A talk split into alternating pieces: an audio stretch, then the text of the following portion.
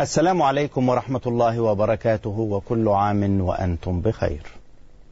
أحييكم على الهواء مباشرة وأرحب بكم في حلقة جديدة من برنامج بلا حدود.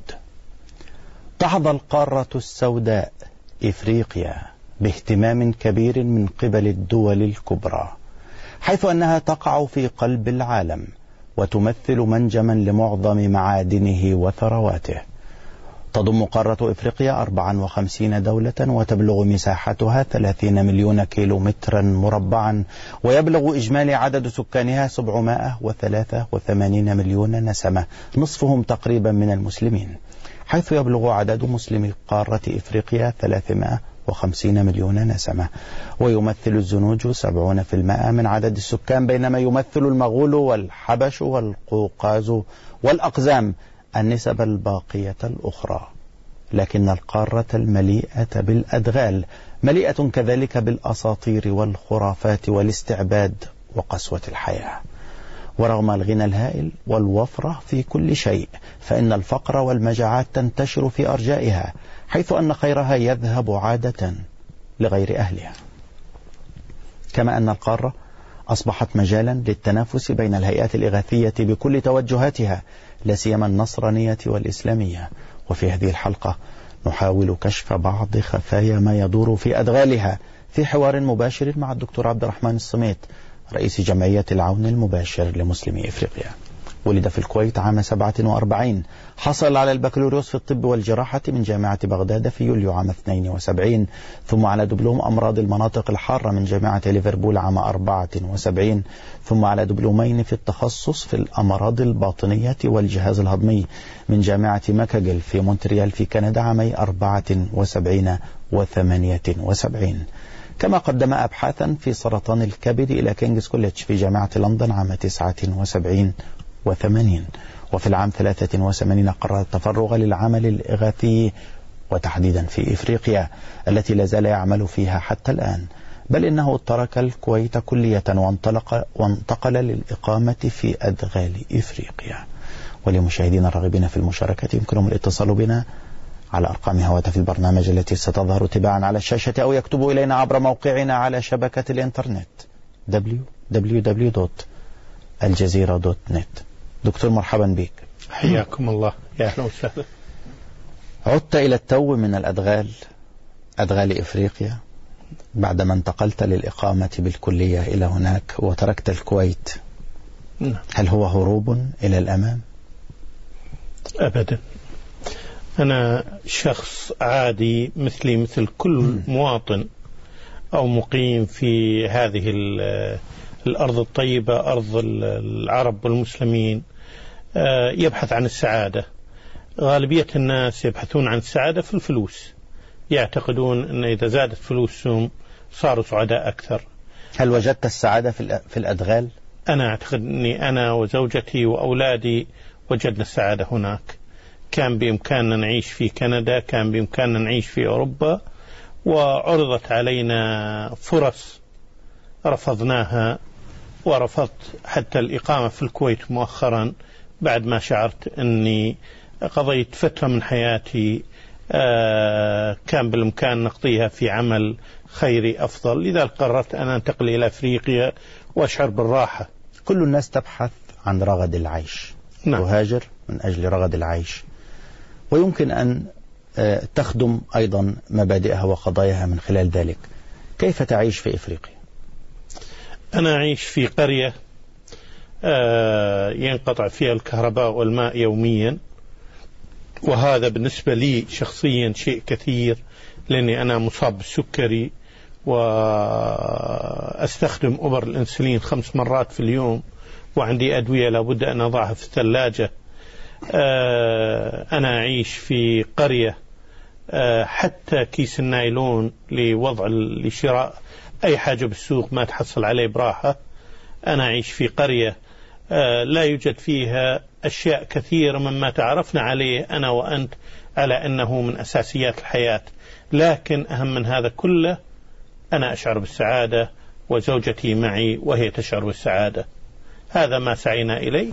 وعندما أرى إنسان يرفع يديه يشهد أن لا إله إلا الله محمد رسول الله لأول مرة في حياته أشعر أني أنا أعظم من أكبر ملك في الدنيا أو أعظم رئيس لدولة في الدنيا.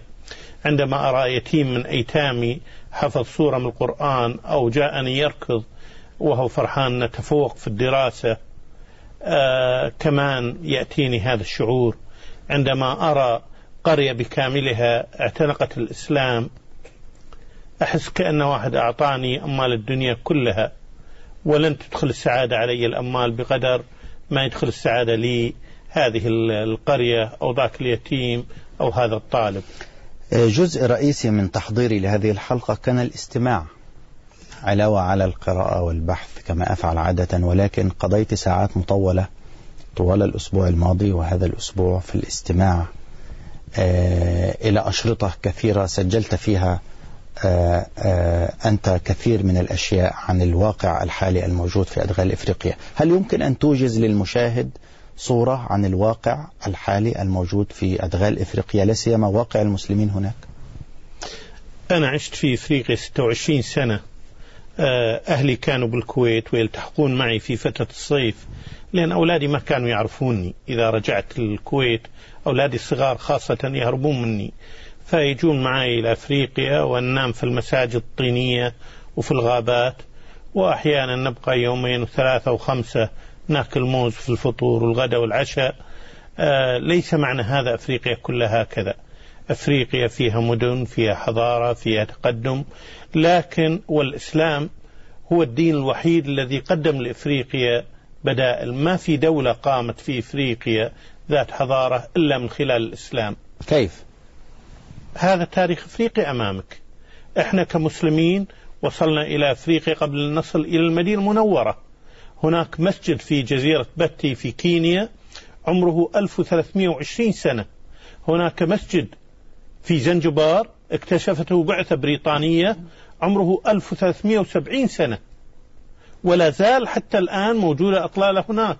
عشرات بل مئات المساجد موجودة في إفريقيا وخاصة في الساحل الشرقي الذي أنا أبدي اهتمام كبير فيه آه، عمرها أكثر من ألف سنة وجدت قبرا في زيمبابوي زيمبابوي كما تعلم أخ أحمد بعيدة عن الساحل. نعم. حوالي 1500 كيلو عن ساحل المحيط. وجدنا قبرا وقد كتب عليه بالخط العربي القديم بدون غير المنقط بسم الله الرحمن الرحيم. هذا قبر سلام صالح الذي انتقل من الدار الفانية إلى الدار الباقية. عام 95 من هجرة النبي العربي. معنى هذا أن العرب كانوا يصلون إلى هناك والمسلمين يصلون إلى هناك وامتزج الدم العربي بالدم الإفريقي في شرق أفريقيا وفي دول السهل الإفريقي دول الصحراء الكبرى. حتى أن الآن قبائل كثيرة أصولها عربية موجودة في آه، أفريقيا. آه، بني سليم في النيجر. هم نفسهم آه، بني سليم موجودين الآن في القصيم. نعم. وكان منهم وزير الخارجية في النيجر. قبائل الرشايدة اللي في السودان اللي يعرفون أنهم أخواننا الرشايدة.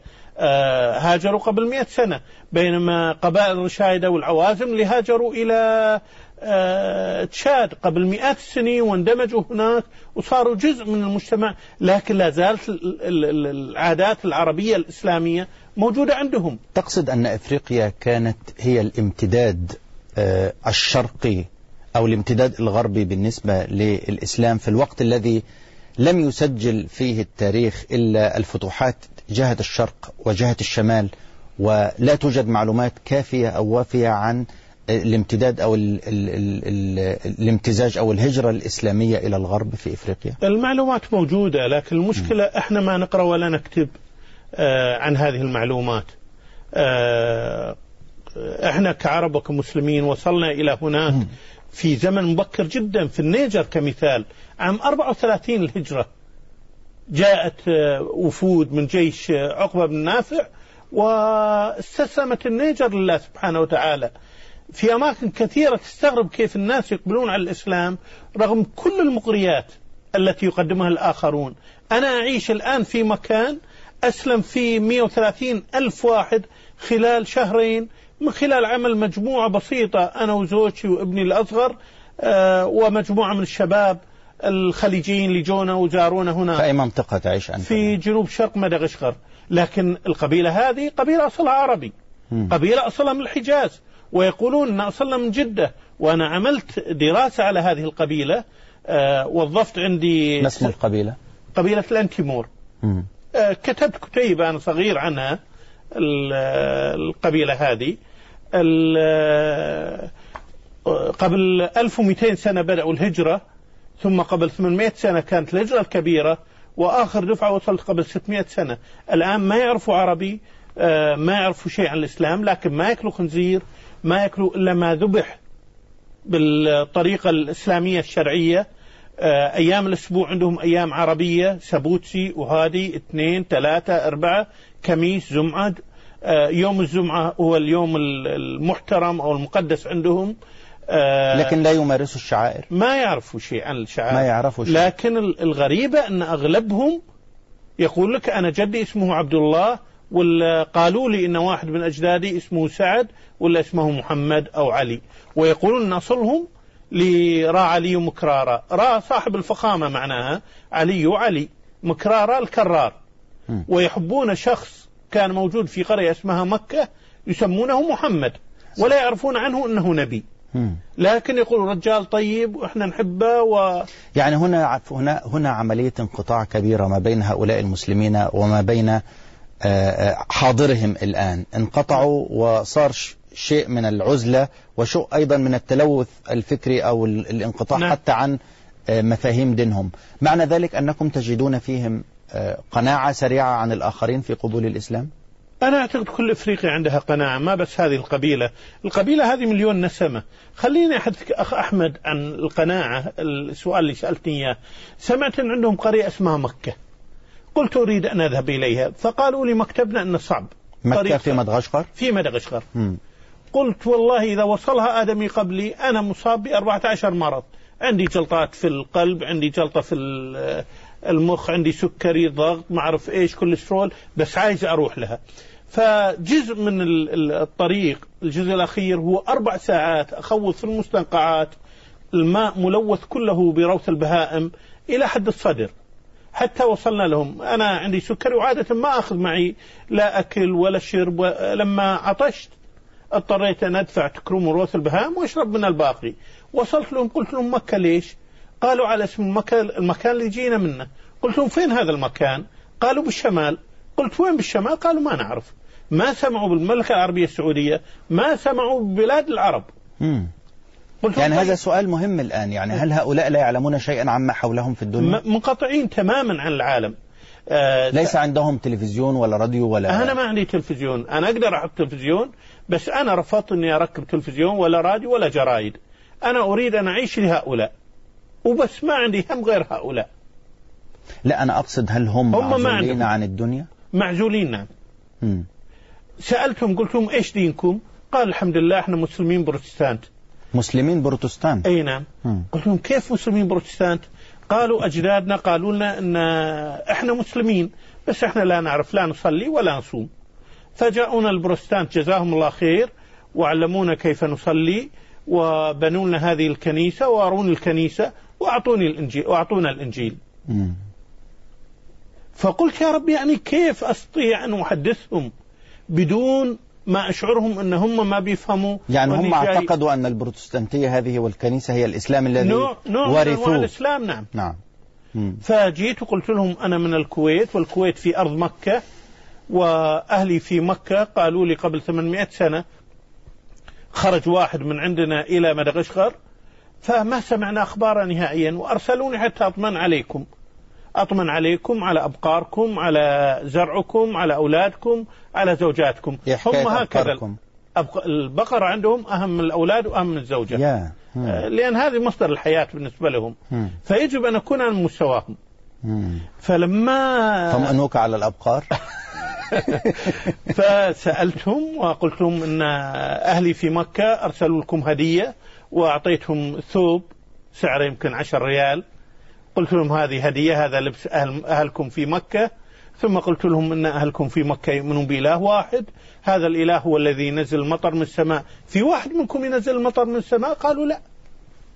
قلت لهم الإله هذا ما عنده زوجة ولا ولد وهو الذي يخرج الزرع من الأرض.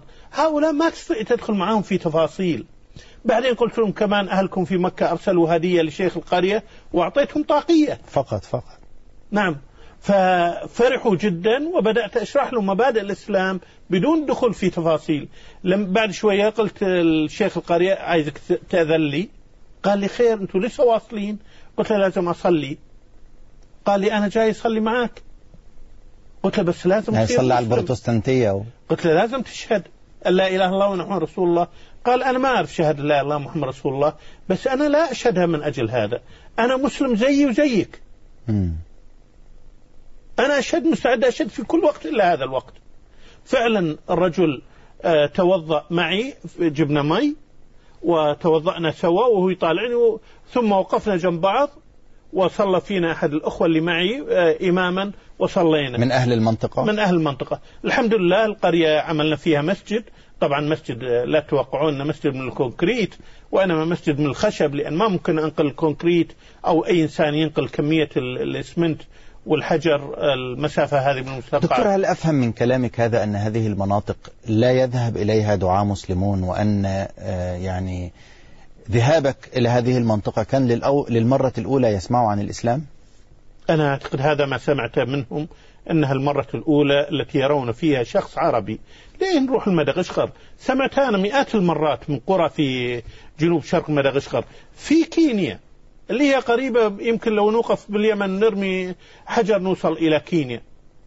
في مناطق بأكملها في شرق كينيا. إذا شافوا الإنسان العربي يدخلوا في الإسلام بدون سؤال ولا جواب. لمجرد أن يروا عربي؟ لمجرد أن جاهم عربي وهم يحترمون العربي ويقدرون بينهم الآخرين صار لهم 110 سنة يشتغلون عندهم. هل يفهم من هذا أيضا أن هناك عزلة وقصور نعم. العرب والمسلمين في إيصال الإسلام ومفاهيمه والله أشهد الله على أننا نحن العرب مقصرين ثم مقصرين ثم مقصرين تجاه أخواننا في إفريقيا. كل إفريقيا مستعدة أن تبيع نفسها الإسلام لو وجدت إنسان آه، يعرض عليهم الدعوة الإسلامية ولكن ما نريد أن نأتيهم بالعصا. لا نريد بالقوة أنا أريد أن نرفع شعار ومن يؤتى الحكمة فقد أوتي خيرا كثيرا. ادعو إلى سبيل ربك بالحكمة والموعظة الحسنة. المشكلة أن بعض شبابنا يمسك السلم بالعرض ويدخل في السوق ويقول الناس بيصلون فيها إيش أعمل؟ يعني يا أخي أنت السبب. هؤلاء حديث عهد بكفر أو عدم معرفة نعم. بالإسلام فبالتالي يحتاجوا إلى نوعية خاصة من الدعوة. ما في شك. هل صدفتم آه، أيضا صدامات معهم أو سوء تفاهم آه، من قبل بعض الناس الذين لا يفهمون طبيعة؟ تحصل أحيانا لكن إحنا نحاول نبتعد عن الصدام مع أي إنسان مخالف لنا. هل أهل البلد هناك أكثر تفهما لدعوتهم من غيرهم من العرب على اعتبار اللغة أيضا هناك لغات كثيرة موجودة في هو إفريقيا. دائما ناخذ معنا واحد من أهل البلد حتى يترجم لنا. أنا ما أعرف اللغة الملقاشية والسواحيلية ما أستطيع ألقي محاضرات فيها والشيوة ما أعرف. فأغلب المناطق اللي أشتغل فيها أدبر نفسي ربما بالسوق أو بالمطار لكن ال ال ألقي محاضرة ما أستطيع. أنا أتكلم بالعربي والإنجليزي والآن بدأت أتعلم فرنسي علشان مدغشقر أنا أعتقد أن أهل البلد هم أفضل ناس. لماذا و... الاهتمام بشرق القارة الآن؟ بالنسبة لي أنا آه لأن آه، ما أعرف عند العجائز يقولون مدفون سره سر الطفل لما يولد يطلع له يبقى منه. يظهر أن سري أنا مدفون بشرق القارة. لا شرق القارة فيه اهتمام كبير من القوى الكبرى بها على وجه لأن آه أي أنا ظنيت بالنسبة لي الشرق القارة آه أنا بالنسبة لك الآن وبالنسبة للآخرين هل اهتمامك بها يختلف عن اهتمام الولايات المتحدة والدول الكبرى بشرق القارة بشكل أساسي؟ أنا ما مهتم بالقضايا السياسية أنا مهتم بأني أكسب الأكبر عدد ممكن من الناس إلى الله سبحانه وتعالى. وأحمد الله وأشكره خلال الأربع سنوات آه، خلال 26 سنة الماضية أربعة مليون ونص آه، تعرفوا على الإسلام وأسلموا من خلال عملنا في أربعين دولة في إفريقيا هل تجدون أن آه، أهل شرق إفريقيا أكثر تقبلا من أهل الأدغال أو الوسط أو الغرب؟ آه، الشرق الإفريقي آه، فيه ميزة ربما ما تلقاها في غرب إفريقيا وهو أن أخواننا العمانيين ذهبوا إلى هناك وكذلك الحضارم وأهل اليمن أخواننا العمانيين ما اهتموا بنشر الدعوة الإسلامية قدر اهتمامهم بالعسكرية والامتداد السياسي وتكوين الدولة وحاجات من هالنوع. الحضارم راحوا كتجار ونشروا الإسلام ما كان عندهم اهتمام بالسياسة. كما نشروه في جنوب شرق أي آسيا. نعم. فاللي حصل أن هناك قبائل بأكملها قاب قوسين أو أدنى من الإسلام. أضرب لك مثال آه، قبيلة القريامة. مليون وأربعمائة ألف نسمة في شرق كينيا. أسماءهم خميس وسعيد وجمعة ورمضان وشعبان ومن هذه الأسماء. ما يأكل الخنزير. الذين صاروا مسيحيين منهم يأكلوا الخنزير ولكن عندهم سكينين ببيتهم. سكين يسمونها نجسة بهذا الاسم. نجسة. هذه خصوها لذبح الخنزير. والسكين الثانية يذبحون فيها الحيوانات الأخرى. في رمضان حتى المسيحي منهم حتى الوثني منهم يصوموا. يعني هناك خلط ما بين آه، موروثات من الدين آه، صارت مشوهة وما بين العادات والتقاليد وما بين أديان جديدة وجدت في المنطقة. أنا ما أعتقد بالنسبة لهذه القبيلة ما أظنها كانت مسلمة في يوم من الأيام. لكن اللي حصل أنهم قاتلوا مع العمانيين والعمانيين مسلمين وهم يزاولون الإسلام فتأثروا فيهم لكن ما وجدوا من يدعوهم إلى الإسلام حقيقة أو وجدوا قلة قليلة والقبيلة كبيرة فصار عندهم بقايا من الإسلام. برمضان تروح لهم تشوف الوثنيين كثير منهم اللي عندهم إمكانية يلبسوا الثوب هذا العربي. أنت أيضا انتقلت إلى مناطق الأدغال في وسط إفريقيا إلى مناطق الأقزام أيضا وهناك واقع آخر ربما يكون شبيها بهذا الواقع الذي يشبه الأساطير أو حكاوي آه، أو حكايات الحكايات الأسطورية. أسمع منك بعد فاصل قصير شيئا عن واقع وأوضاع المسلمين في الأدغال.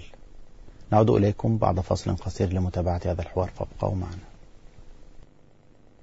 أهلا بكم من جديد بلا حدود في هذه الحلقة التي نتناول فيها واقع المسلمين في أدغال إفريقيا. مع الدكتور عبد الرحمن الصميت رئيس جمعية العون المباشر لمسلمي إفريقيا. وأقدم لكم معلومات أساسية الآن عن القارة. فإفريقيا يبلغ مساحتها 30 مليون كيلومترا مربعا. طولها ثمانية ألاف وخمسين كيلومترا مربعا. عرضها سبعة ألاف خمسمائة وستون كيلومترا مربعا. وعدد دولها أربعة وخمسون دولة. يبلغ إجمالي عدد سكان القارة الإفريقية 783 ونصف مليون نسمة عدد المسلمين فيهم 350 مليون نسمة الكثافة 28 شخصا في الكيلومتر المربع متوسط الزيادة السكانية 2.9% سنويا.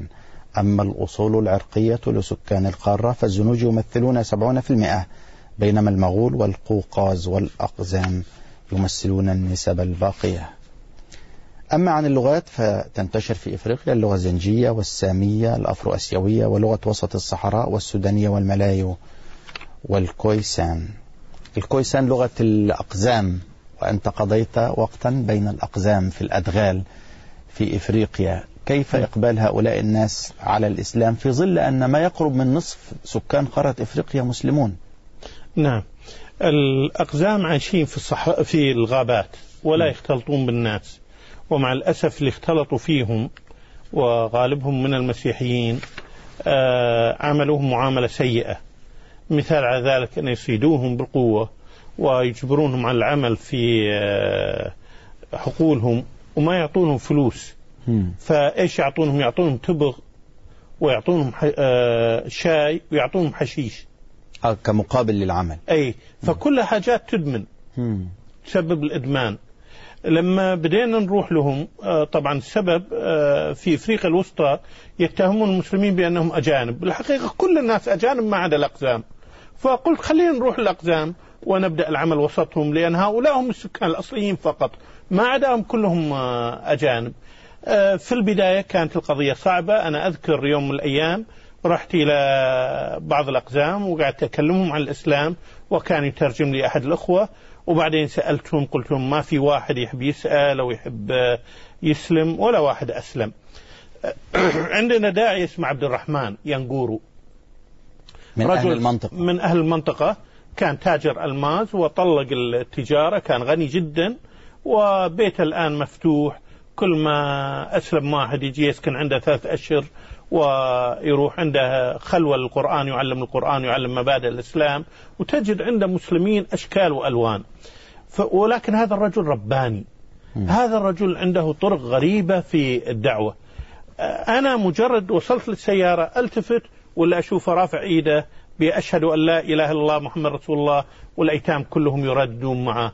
فقلت له تعال يا شيخ عبد الرحمن أنت عملت إيش؟ عندك سحر؟ فقال لي لا. قلت لا إذا ليش أسلموا على يدك وما أسلموا على يدي قال المشكلة أنتم عايزين تعلمونهم الإسلام كله في يوم وليلة. أنا أروح أقول لهم هذا الله اللي خالق كل شيء والله سبحانه وتعالى يستحق العبادة ويستحق أن نعترف فيه. فيسلمون عندي. ثم بعد هذا أعمل لهم دورات وأزورهم أنا ولا أرسل لهم بعض تلاميذي ويعقدون لهم دورات. يوم من الأيام رحت إلى قرية من القرى وكان قد أسلم فيها مجموعة من الناس وقمنا فيها مسجد. فاستانسوا لما شافوني أول خليجي يأتي عندهم وراحوا جابوا لي عسل ومربوط أذكره بورق شجر الموت. عسل جبلي أصلي يعني. أي نعم بس كان مليء بالنمل. يعني ما قدرت آه، أنا العادة طبعا ما أقبل هدايا إذا قبلت نعم. هدايا أهديها للناس. نعم. ما لا أنا ولا أولادي يعني ده أفضل شيء يملكوه أهدوه نعم. إليك هم مم. لا يملكون شيئا مم. هم عندهم هذا البيت العشة الصغيرة أنا يعني يأكلوا من الأشجار يأكلوا و... من الأشجار وخلاص ويأكل يومه بس ما عندهم يعني بقر هؤلاء ولا شيء ما عندهم لا زراعة ولا تجارة ولا حاجة أبدا يلتقطون الثمار من ويصيدون مم. فأذكر في القرية سألتهم عن البيت قالوا لي ادخل. رحت دخلت ما قدرت الباب كان صغير. لا قادر أدخل ولا قادر أطلع. انت بالنسبة لهم عملاق طبعا. إي نعم فكسروا البيت وقلت لهم أنا آسف وأنا قالوا آسف ليش؟ كلها نص ساعة ونبني لا نص ساعة. وفعلا بنوه أمامي. الكثير منهم يلبسون ملابس آه، بسيطة جدا. العورة ما عندهم شيء اسمه عورة. آه، طبعا غير المسلمين. المسلمين الحمد لله يلبسوا ويتغطوا وأنا أذكر آه، يوم من الأيام هجمت عليهم غوريلا. هجمت على امرأة كانت جاية من الغابة ومعاها ماعون من الفخار مالئته بخمر من بعض الأشجار يطلعون الخمر من الأشجار وحاطته على رأسه. فالغوريلا كبيرة أكبر من الإنسان نعم. راحت وراء المرأة. فالمرأة خافت نزلت الخمرة خافت تركض تسقط منها. فنزلتها وهربت. فجاء الغوريلا وشرب الخمر. هو بدون ما يكون سكران ما حد يتحمله. المرة غوريلا سكران. فلما سكر آه، قام يشم رائحة المرأة وتبعها إلى القرية وبدأ يخرب بالقرية. آه. قدر الله أن على بعد بسيط كان في واحد عسكري شرطي. نادوه وجاء الشرطي وشاف الغوريلا يخرب بالبيوت وغيره. طلع المسدس ضرب طلقة طلقتين ثلاث ما في فائدة فقالوا له إذا خلينا إحنا نتعامل معه. واحد منهم طلع البوص هذا اللي ينفخوه وضع فيه آه، سهم مسموم ونفخ على الغوريلا وسقطت وماتت والآن الغوريلا على فكرة موجودة في المتحف في بانجي في العاصمة. عاملين لها متحف. آه، عاملين متحف البلد وحاطين فيه الغوريلا. فنعم يعني مع هذه الصورة دكتور هناك اتهام للعمل الإسلامي الإغاثي بالذات في إفريقيا بالفوضى و آه، وأن الهيئات الإغاثية الإسلامية لا يوجد بينها آه، أي نوع من التنسيق أو التوافق فيما بينها. أولا بالنسبة للفوضى أحب أقول أن إحنا قبل 26 سنة بدأنا وقبل أن نبدأ في بنيان طابوقة واحدة أو قبل أن نذهب في زيارة أي مكان كان عندنا استراتيجية مكتوبة. كان استراتيجية؟ لديكم استراتيجية لما تقومون موجودة به؟ في كل مكاتبنا ليس الآن. ما تقومون به الآن عبارة عن شغل دروشة و... و... لا يا يعني شيخ لا أبدا. هذا بعض الناس يظنون ذلك. العمل الخيري عندنا في بلادنا الآن متقدم أكثر من أي مؤسسة حكومية أو أكثر من أي شركة من الشركات. دعني أضرب لك مثال. تركنا من الاستراتيجيات ومن الحاجات هذه. عندما جينا نجمع تبرعات قلنا من المستهدف في خطابنا الإعلامي؟ هل هم الأغنياء اللي يعطيني مليون وبعدين إنساني عشر سنوات؟ لا. أنا ما أستطيع أخطط مع هذا النوع من التبرعات. فقلنا نركز على متوسط الدخل.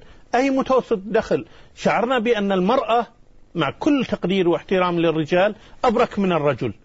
وقادر يعني عاطفية وتعطي أكثر من الرجل آه، شعرنا بأن المرأة اللي عمرها بين 25 و45 اللي بتشتغل مدرسة ولا ممرضة ولا طبيبة ولا غيرها وتعطينا كل شهر 100 ريال ولا 200 ريال ولا 500 ريال أستطيع أني أخطط بعد سنة وبعد سنتين أعرف ماذا أتوقع أني أحصل عليه.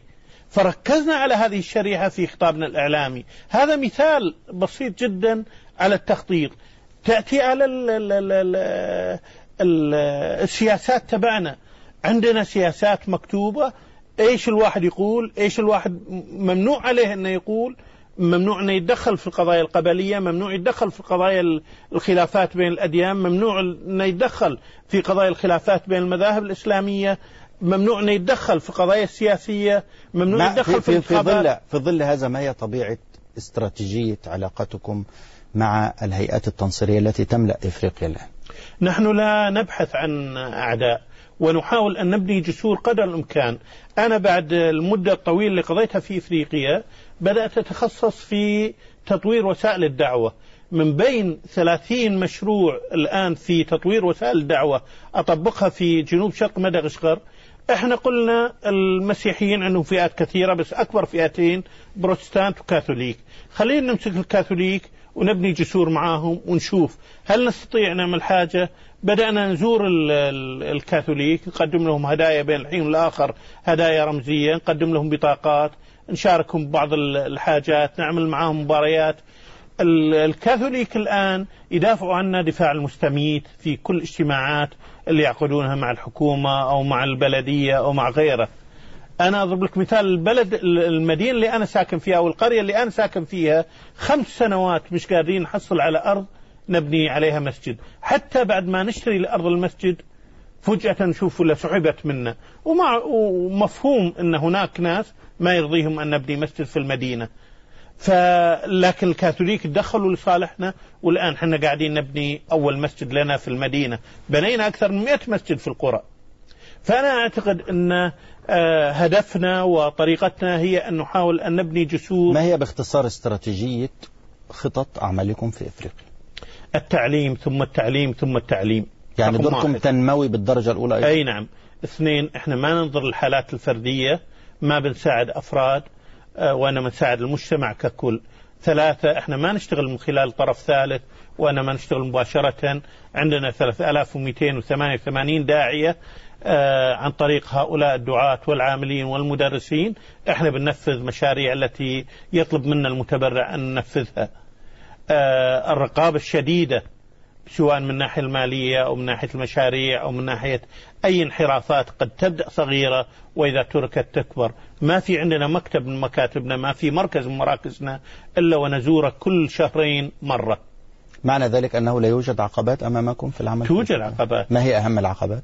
العقبات ثنتين. العقبة الأولى هي عدم وجود ناس متخصصين في العالم العربي بالعمل الخيري وأتمنى من أخوان المشاهدين وأخواتي المشاهدات أن يروحوا إلى دول برا ويدرسوا. عندنا معاهد الآن الحمد لله آه، في معهد لهيئة آل البيت في الأردن. هناك جامعات في أوروبا تمنح الدكتوراه حتى في نعم. العمل الخيري. نعم. في مراكز كثيرة ومراكز متخصصة.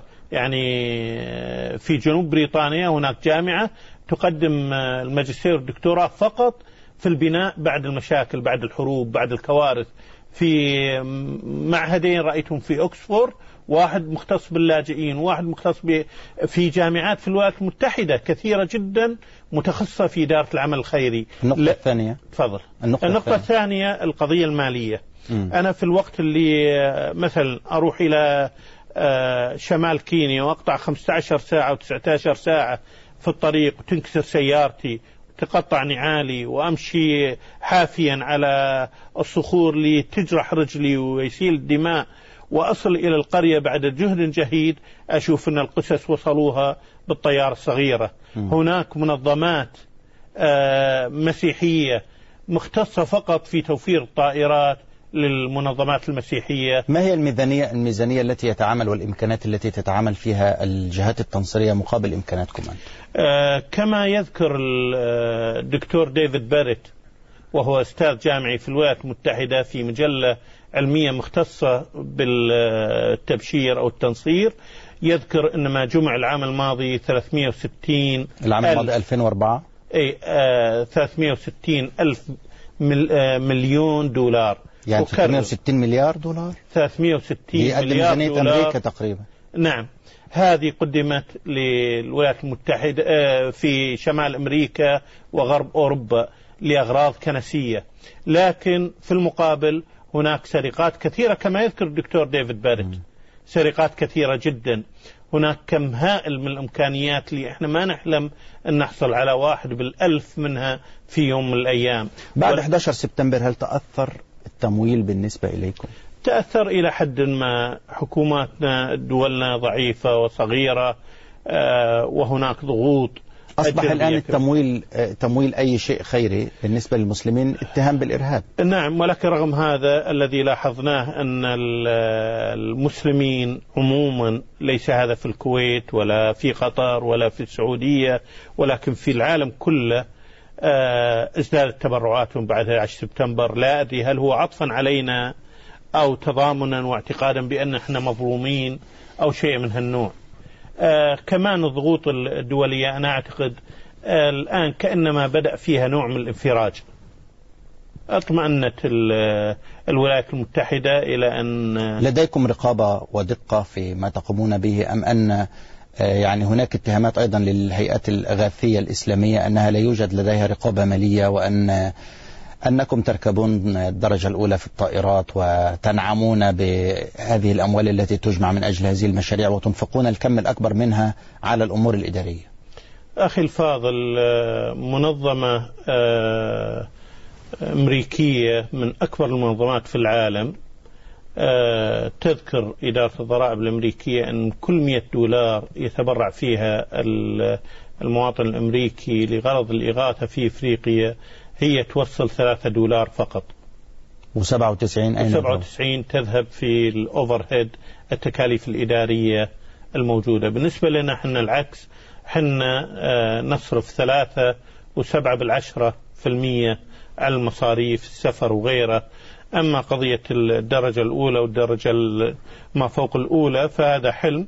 إذا الجزيرة طلبت مني أجي وأقدم برنامج وأعطتني تذكرة درجة أولى ما أقول لهم لا والله أنا أخذ سياحية لكن إذا أنا أروح لأفريقيا فأنا أروح درجة سياحية أين ضمانات الشفافية عندكم؟ من يحاسبكم؟ ضمانات الشفافية أن عندنا درجات من الرقابة المالية لا توجد في أي مؤسسة في منطقتنا عندنا ست درجات من الشف... من الرقابة ابتداء من الميدان هناك ثم المحاسبة الميدانية عندنا في المقر الرئيسي بالكويت ثم المحاسبة العامة ثم التدقيق الداخلي ثم التدقيق الخارجي أنا أذكر لك يوم من الأيام صار لي حادث أنا رئيس مجلس الإدارة واتصل في مدقق داخلي ومعذرة لك ولإخواني المصريين. معروف أن أخواننا المصريين يعني ما يحبون يواجهون أغلبهم ما يحبون يواجهون الشخص المسؤول. هذا موظف صغير آه، مدقق حسابات اتصل في وقال لي أنت صرفت ربع دولار على إصلاح حذائك تكرم في السودان. آه، بأي حق أنت صرفت ربع دولار على إصلاح حذائك؟ فأنا شفته وأخ مصري قلت له أنت ما تعرف أني أنا رئيس مجلس الإدارة وكيف تقول لي هذا الكلام؟ قال لي والله أنا أمشي حسب القوانين وإذا أنت ما عجبك القانون أنت رئيس مجلس الإدارة غيره. قلت له أنا القانون ويكفي هذا. فقال لي لا هذا ما صحيح ويجب أنك آه، تغير القانون إذا مو عاجبك القانون بمجلس الإدارة. كنت فكره يخاف منك يعني. أي نعم. ناديته وحاولت إني أخوفه والرجل أصر فقمت وقبلته قبلت رأسه وأعطيته راتب شهر كامل وقلت له أريدك أن تصر على ذلك لأن هذا فخر لي وفخر لكل واحد أن يكون عنده موظف في هذه الدرجة من الأمانة. معي مشاهد مصر على التليفون فضل. ياسر الغرباوي من مصر تفضل يا ياسر. السلام عليكم. عليكم السلام ورحمة الله. أه ببلغ سلام للدكتور عبد الرحمن ولحضرتك على اللقاء الطيب الجميل. شكرا. أنا بحكم تخصصي في الجغرافيا يعني وأدرس معهد البحوث الأفريقية بجامعة القاهرة. أه المستقبل يعني جغرافيا وبحكم الجغرافيا والجيوبوليتيكا هو في غرب أفريقيا يعني وليس في شرق أفريقيا بحكم ساعة الدول قص عدد السكان. لا يقارن السكان في غرب أفريقيا بالشرق. ف يعني أرى لو في بعد استراتيجي في عمل الدكتور عبد الرحمن بارك الله فيه وعليه ان يعني لابد من التوجه كنظرة استراتيجية لغرب أفريقيا أكثر بحكم ان حتى يعني حمل هم الإسلام في المرابطين وغيرهم كان بدأ من غرب شكرا أفريقيا يا أكثر. ياسر ردك يا دكتور. أنا أعتقد أن لا يكلف الله نفسا إلا وسعها. أنا واحد وأخي الفاضل ياسر وغيره ملايين المشاهدين أدعوهم إلى أن يهتموا بأماكن ثانية لأني لو رحت طب كيف يتواصل المشاهدون معك؟ آه، أنا لكم مقيم عنوان هناك. لكم لا. عنوان آه، آه، لا أدري هل هناك لديكم عنوان يمكن أن نكتبه الآن أو أكتبه جزاك الله خير ما وتضع عنوانكم ما عنوانكم عفوا صندوق بريد لا ليس لكم عنوان على الإنترنت يستطيع المشاهدون أن يدخلوا إليه؟ والله الإنترنت كان عندنا موقع وأغلقناه وما عندنا أي موقع وكل المواقع اللي تتكلم طيب عنها. ها- عنوانكم في الكويت أو الهاتف؟ صندوق بريد 1414 الصفاة الكويت. سهل. لو تكتبوا يا شباب 14 والتليفون والفاكس. 14 14 ال- الصفاة الكويت. والتليفون. آه، أعطيهم تليفونين والله يساعدني الليلة. آه، آه، أنام. لأن لأن البعض, البعض يسأل أنت طلبت الناس أن تتعاون معك فعلى الأقل أعطيهم كيف يتواصلوا جزاكم معك. جزاهم الله خير. آه رقم هاتفي هاتفي هو آه تسعة ستة خمسة هذا المفتاح وبعدين آه تليفون تسعة ستة واحد واحد سبعة ستة ستة. ده الموبايل الله يعين اي هذا الموبايل والله يعيني أنا المرة تسعة الماضية ستة خمسة تسعة ستة واحد واحد سبعة ستة ستة. نعم. هذا موبايل خاص للدكتور السميت لمن أراد من الأطباء أو من غيرهم أن يتواصل معه. لا زال معي. أنا جالي من كينيا ومن موريتانيا ومن السعودية مشاهدين وللأسف أنا تأخرت عليهم. آه غالب شيخاني من السعودية لا زال معنا. معك يا حبيبي معك. تفضل تفضل يا سيدي. أول شيء السلام عليكم. عليكم السلام. ورمضان مبارك لك وللدكتور الكريم. حياك الله. وأنا مواطن عادي يعني بس حبيت أتشكره وأقول له إن شاء الله في ميزان حسناتك. والله يكثر من أمثالك. طبعا بدي الشكر لك موصول يا أستاذ أحمد لأنك ما بتجيب إلا شيء طيب على القناة الحلوة هذه. تسلم أشكرك يا سيدي. فالله يكثر من أمثال الدكتور وامثالك معين يا وان شكرا. شاء الله برجع بتصل فيه أنا على الرقم اللي حطه الحين على الشاشة. جزاك وكل الله عام خير وأنتم بخير. شكرا لك. عمر سفرجي من السعودية معنا. السلام عليكم. وعليكم السلام ورحمة الله. مبارك عليكم الشهر. أنا آسف تركتك أكثر من. نصف ساعة تفضل. معليش هذا شهر الصبر. شكرا. الله يبارك فيك. الرسول عليه الصلاة والسلام. يقول يعني إنه في يعني في آخر الزمان ما يبقى بيت وبر أو أي بيت إلا يدخل هذا الدين. وممكن أنت إذا كنت حافظ الحديث كامل تقرأ على المجاهدين نعم. لكن أنا أقول لو يوزع أقترح لو يوزع المسلمين التلفزيونات على هؤلاء الناس لأنه نور التلفزيون وأنت نور ونور على نور. شكرا. شكرا لك. تفضل يا دكتور. هو بيقول يعني التلفزيونات الآن لو توزع على هؤلاء الناس بحيث في تلفزيون في الآن قنوات إسلامية كتير فيها دعوة أو فيها كذا وفي قنوات أيضا للتنصير أيضا تبث. الكهرباء ما موجودة. مم. وبعدين أسهل من التلفزيون حنا نعين دعاة. يا أخي الدعاة اللي أنا أعينهم قاعد أعطيهم أنا 70 دولار بالشهر. فقط. بينما غيري من الأديان المنافسة تعطيهم 450 دولار. مم. إلى الدرجة أن خريجين بعض كليات الشريعة في عالمنا العربي اشتغلوا مع ناس آه، من هذه النوعيات مع الأسف لأنه ما يستطيع يعيش ب 70 دولار. مم. وأنا ما أستطيع أعطيهم راتب أكثر. أتمنى لو كان عندي أوقاف كافية لهؤلاء الدعاة أستطيع أعين دعاة أهم من أني أنشر تلفزيونات أو حتى راديو. كيف تنظر إلى مستقبل القارة في دقيقة بقيت من وقت البرنامج. أنا ما أشك أن القارة ستعلن كلها شهادة لا إله إلا الله محمد رسول الله. يا أخي إذا كان خلال شهرين 130 ألف واحد أسلموا آه ما الذي يمنع أن القارة كلها تسلم؟ الآن علينا شغل كبير مع هؤلاء ال 130 ألف أن نحاول أن نعلمهم الإسلام. أنا اشتغلت في أغلب الدول الإفريقية في غرب أفريقيا وشرق أفريقيا ورأيت كيف الناس يدخلون في, في دين الله أفواجا. في جنوب تشاد 80 ألف دخلوا الإسلام خلال سنتين. في إثيوبيا خمسين ألف من قبائل البورانا. في شمال كينيا ستين ألف من قبائل الغبرة. آه، من قبائل الماساي ثلاثين قرية أسلمت عن طريق أيتامنا. والأمثلة كثيرة جدا. المهم أن نستقبل وهؤلاء. يريدون خدمة ما بعد الإسلام. هذا هو ال- الذي أريد أن أصل إليه أن يريدون دعاة يعلمونهم مبادئ الإسلام يريدون الكتاب الإسلامي يشرح لهم شيء بلغتهم وأسأل الله سبحانه وتعالى أن يسعدني ويسعد إخواني جميعا من المشاهدين والمشاهدات برؤية القارة كلها وهي تردد شهادة لا إله إلا الله وأن محمد رسول الله. دكتور عبد الرحمن السميت أشكرك شكرا جزيلا. كما أشكركم مشاهدينا الكرام على حسن متابعتكم ومن أراد الاتصال على الدكتور عبد الرحمن السميت عليه أن يتصل به شكله مش هينام الليلة 965 961 1766 هذا رقم هاتفه الخاص. في الختام أنقل لكم تحيات فريق البرنامج وهذا أحمد منصور يحييكم بلا حدود. والسلام عليكم ورحمة الله وبركاته.